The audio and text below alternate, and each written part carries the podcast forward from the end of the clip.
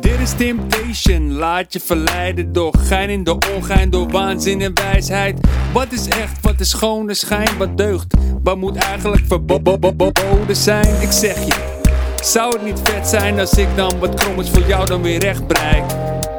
Eh, oh ja, sorry, ik was even mijn tekst kwijt.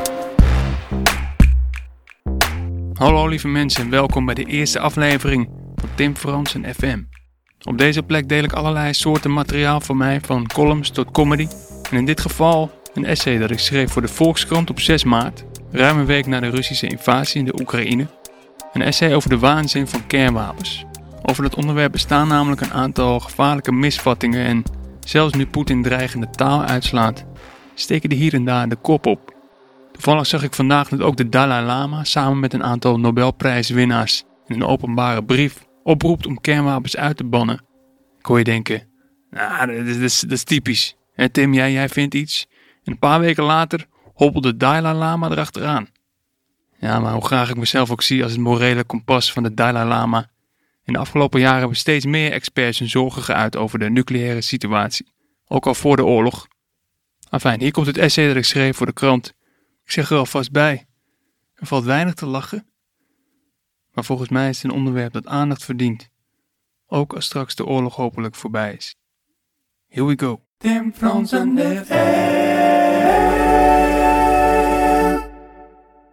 Niet lang nadat Japan in 1945 op de knieën was gebracht met de bombardementen op Hiroshima en Nagasaki, zei Albert Einstein: De mensheid heeft de kernbom uitgevonden, maar geen muis zou ooit de muizenval ontwikkelen. Aan het begin van de Tweede Wereldoorlog nog had Albert Einstein in een brief Franklin D. Roosevelt aangespoord om een atoomwapen te ontwikkelen, voordat Nazi-Duitsland daarin zou slagen. Toen de bom er eenmaal was en de kracht van het atoom was ontketend, maakte Einstein zich grote zorgen over het pad dat de mensheid hiermee was ingeslagen. En hij was allerminst de enige.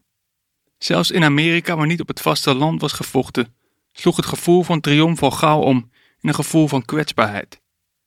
Men besefte, andere landen zullen ook zo'n wapen ontwikkelen en tegen ons kunnen gebruiken.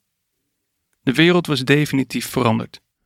Het besef van wat het betekent om in het nucleaire tijdperk te leven, een besef van fundamentele onveiligheid, is zeker na het einde van de Koude Oorlog grotendeels weggestorven. Al jaren schreeuwen deskundigen moord en brand over de levensgevaarlijke situatie omtrent nucleaire wapens.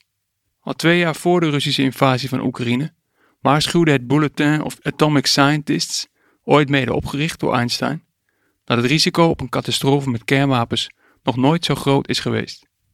Deze alarmkreten leken aan dovermans oren gericht. Sterker nog, er heerst een wijdverbreid geloof dat kernwapens de wereld veiliger zouden hebben gemaakt. Een vals geloof dat ook nu weer de kop opsteekt. Tegenwoordig beschikken we over kernwapens met meer dan duizend keer de destructieve kracht als de bommen die ooit zijn gebruikt tegen Japan. Waar komt het waanidee vandaan dat zulke wapens de wereld veiliger zouden hebben gemaakt? De Koude Oorlog liep uiteindelijk goed af, in de zin dat het nooit tot een directe, hete oorlog is gekomen tussen de kernmachten Amerika en de Sovjet-Unie. De les die we daaruit lijken te hebben getrokken luidt als volgt. Een oorlog met kernwapens is zodanig destructief voor alle betrokken partijen dat niemand er ooit aan zal beginnen.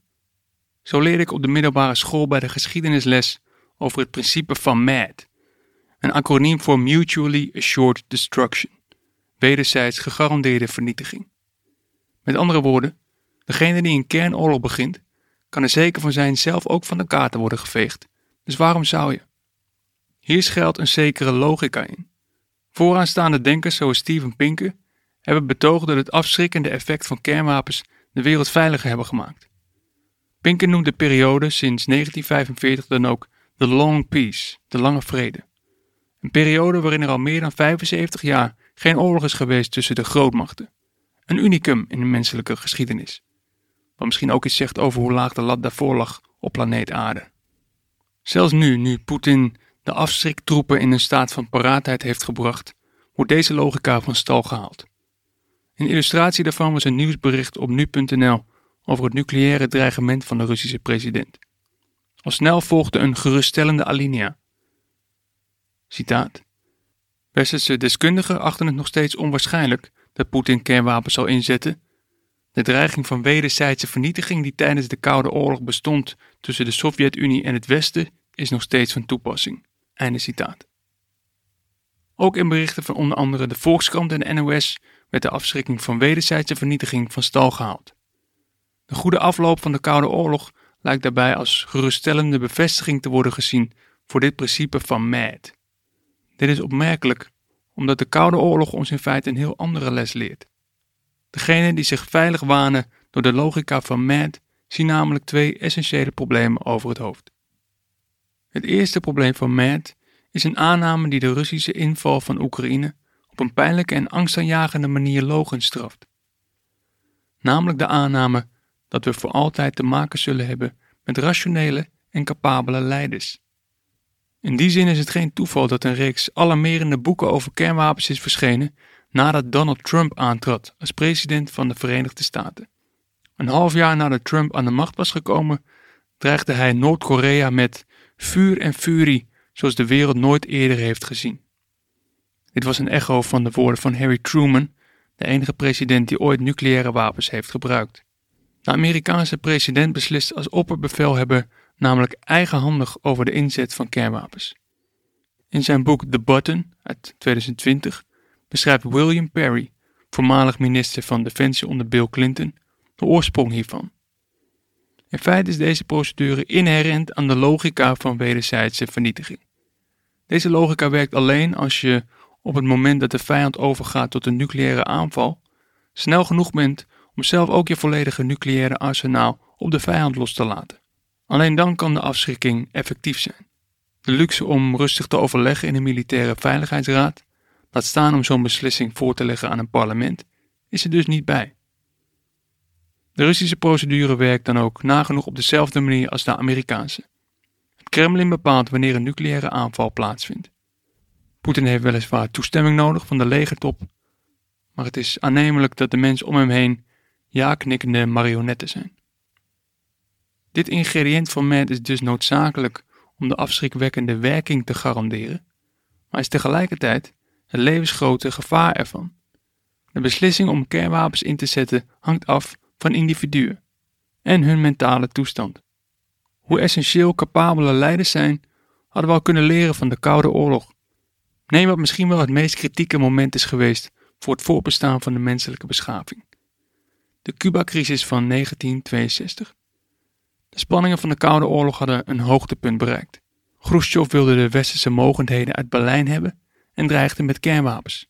Amerika had raketten geplaatst in Turkije die Moskou konden bereiken. Mede als reactie hierop plaatste Khrushchev in het geheim raketten op Cuba. Toen deze werden ontdekt door Amerikaanse spionagevliegtuigen, waarvan er niet lang daarna één zou worden neergeschoten, volgde een crisis waarbij de wereld de adem inhield. Geen van beide partijen wilde een nucleaire oorlog. Tegelijkertijd zag nog Khrushchev nog John F. Kennedy het zitten om als eerste terug te deinzen. Dat zou zwakte tonen en gezichtsverlies opleveren. Daar komt bij dat je in een geval van een kernoorlog beter degene kan zijn die als eerste toeslaat.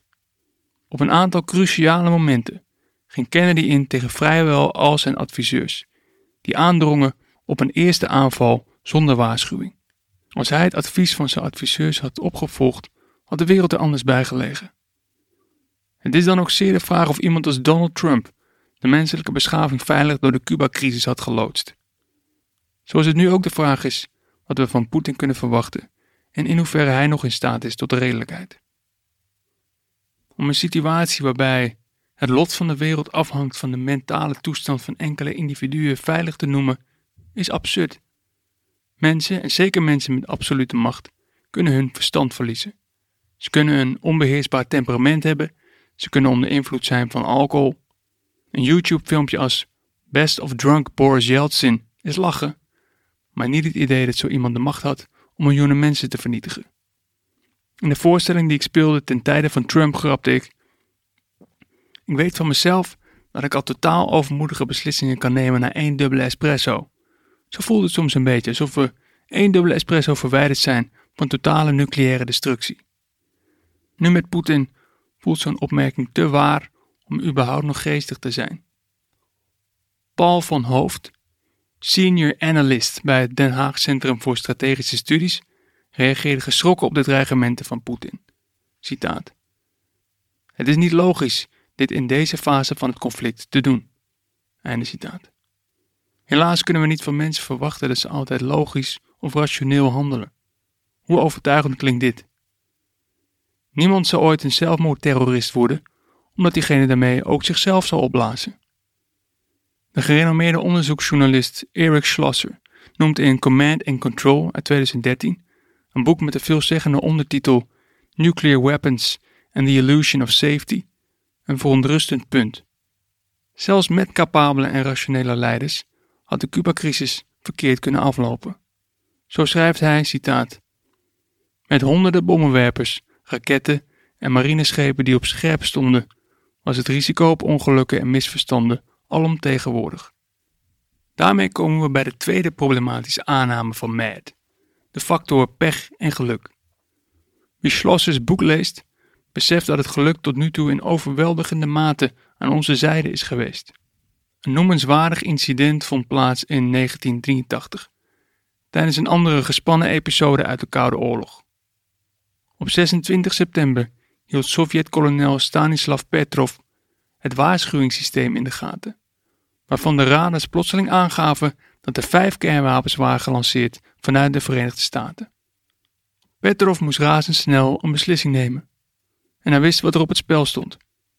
Als hij melding maakte van een Amerikaanse raketaanval, zou de Sovjet-Unie reageren met een niets ontziende nucleaire tegenaanval. Hoewel Petrov allerminst zeker was van zijn zaak, vermoedde hij dat het een vals alarm was. Als Amerika een kernoorlog wilde beginnen, dan zou hij dat niet doen met slechts vijf raketten. Aan de andere kant, dit zou ook slechts de eerste golfraketten kunnen zijn. Met alle persoonlijke risico's van dien besloot hij uiteindelijk tegen het bevel en het protocol in te gaan. Hij meldde zijn bevelhebber dat er iets mis was met het waarschuwingssysteem. 23 gespannen minuten wachtte hij af. Petrov bleek gelijk te hebben.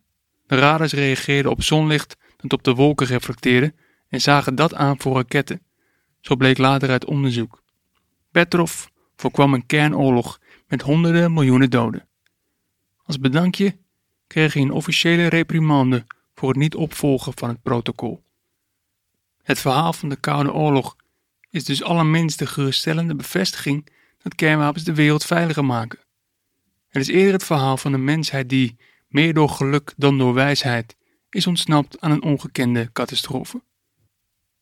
In 1972 besloot de wereld tot een verbod op biologische wapens. In 1992 deed de wereld hetzelfde met chemische wapens. Nu is het zaak hetzelfde te doen met kernwapens.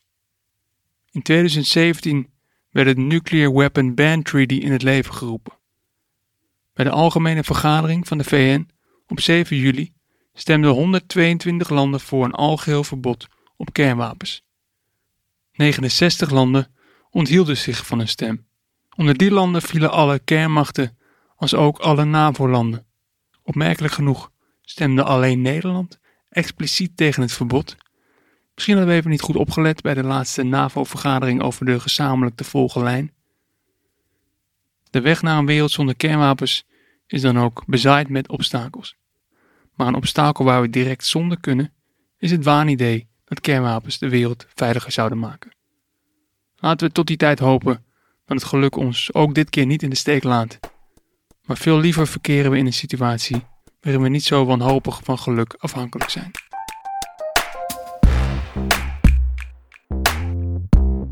Dat was hem, zoals beloofd. Viel weinig te lachen. Als je het leuk vindt dat deze podcast bestaat, kun je mij een gunst bewijzen door het een positieve beoordeling te geven in je podcast-app. Op die manier kunnen anderen de podcast makkelijker vinden. Hou je goed. Tot de volgende keer.